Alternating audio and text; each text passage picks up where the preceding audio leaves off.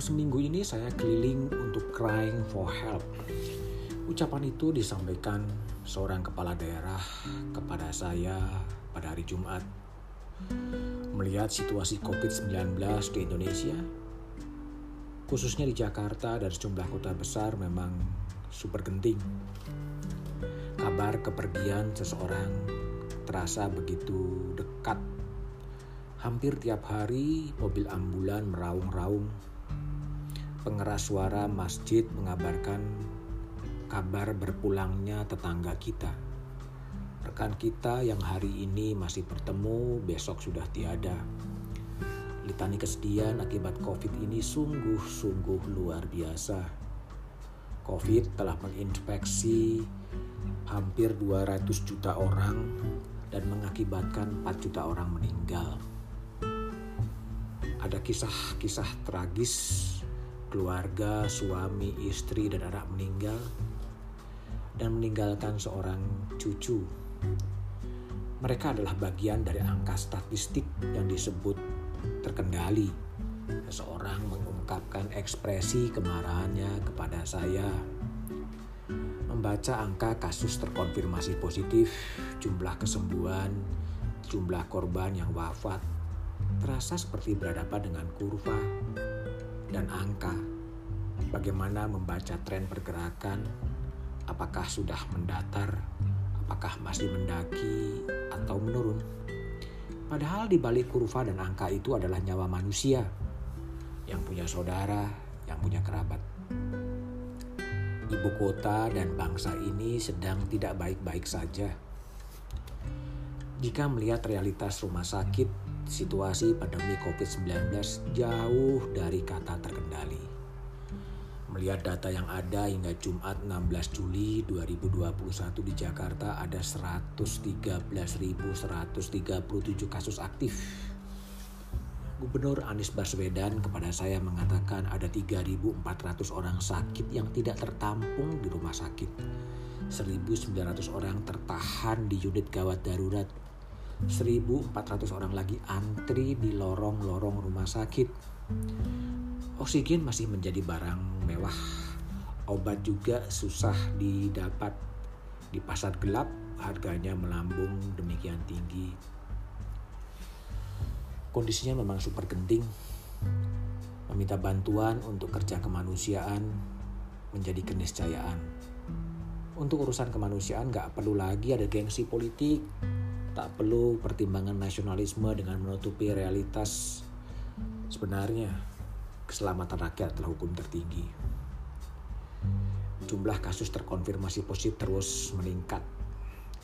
Pada Kamis 15 Juli, kasus harian mencapai 56.757 kasus. Beban rumah sakit sudah tidak mampu. Dalam kondisi darurat, gagasan membangun rumah sakit darurat mendesak diwujudkan saatnya mengubah gedung-gedung konvensi, lapangan-lapangan yang tidak dipakai termasuk Gelora Bung Karno yang bersejarah diubah fungsinya jadi layanan kesehatan darurat. Itu butuh kecepatan, berani, dan pasti dan tentu punya risiko.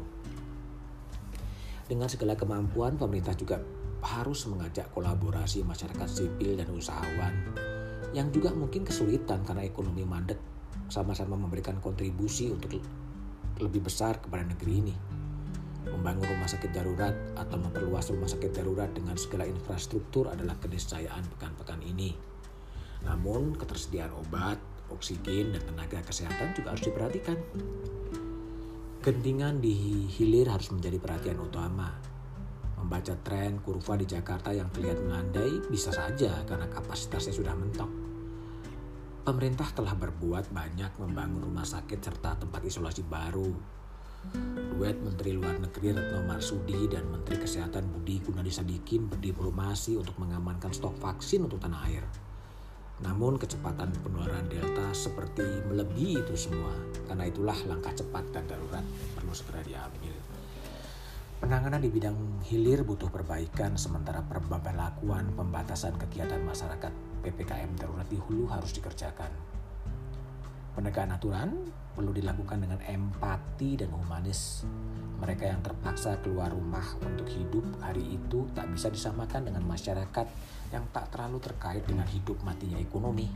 Komunikasi harus dilakukan dengan empati dan memahami kesulitan orang, bukan dengan gaya-gaya congkak dan arogan. Sebuah video viral yang mempertontonkan bagaimana Satpol PP memperingatkan pedagang makanan untuk tidak melayani makanan di tempat disertai pemberian bantuan terasa lebih mengena. Ketegasan diperlukan terhadap kelompok yang lebih mengutamakan keuntungan ekonomi dari manusia dari nyawa manusia. Namun kearifan dibutuhkan terhadap mereka yang terpaksa di luar untuk urusan perut. PPKM darurat sebenarnya sama dengan undang-undang karantina wilayah. Karena itu bantuan sosial kepada kelompok terdampak merupakan sebuah keniscayaan. Korban terus berjatuhan. Mantan Direktur BO Asia Tenggara Profesor Chandra Yoga Aditama pernah mengirimkan catatan pendek kepada saya berjudul Yatim Piatu COVID-19. Profesor Chandra merujuk data di India 5 Juni 2021 ada 3.632 anak terpaksa menjadi yatim piatu karena kedua orang tuanya meninggal dan ada 26.176 anak yang kehilangan salah satu orang tuanya. Beberapa pihak menyebut ini adalah tragic legacy of Indonesian of India pandemi. Tentunya banyak orang berharap itu tidak terjadi di Indonesia. Pandemi COVID-19 bukan hanya masalah kesehatan masyarakat, bukan soal pandemi itu sendiri, juga bukan soal dampak sosial ekonomi, tapi masalah kemanusiaan.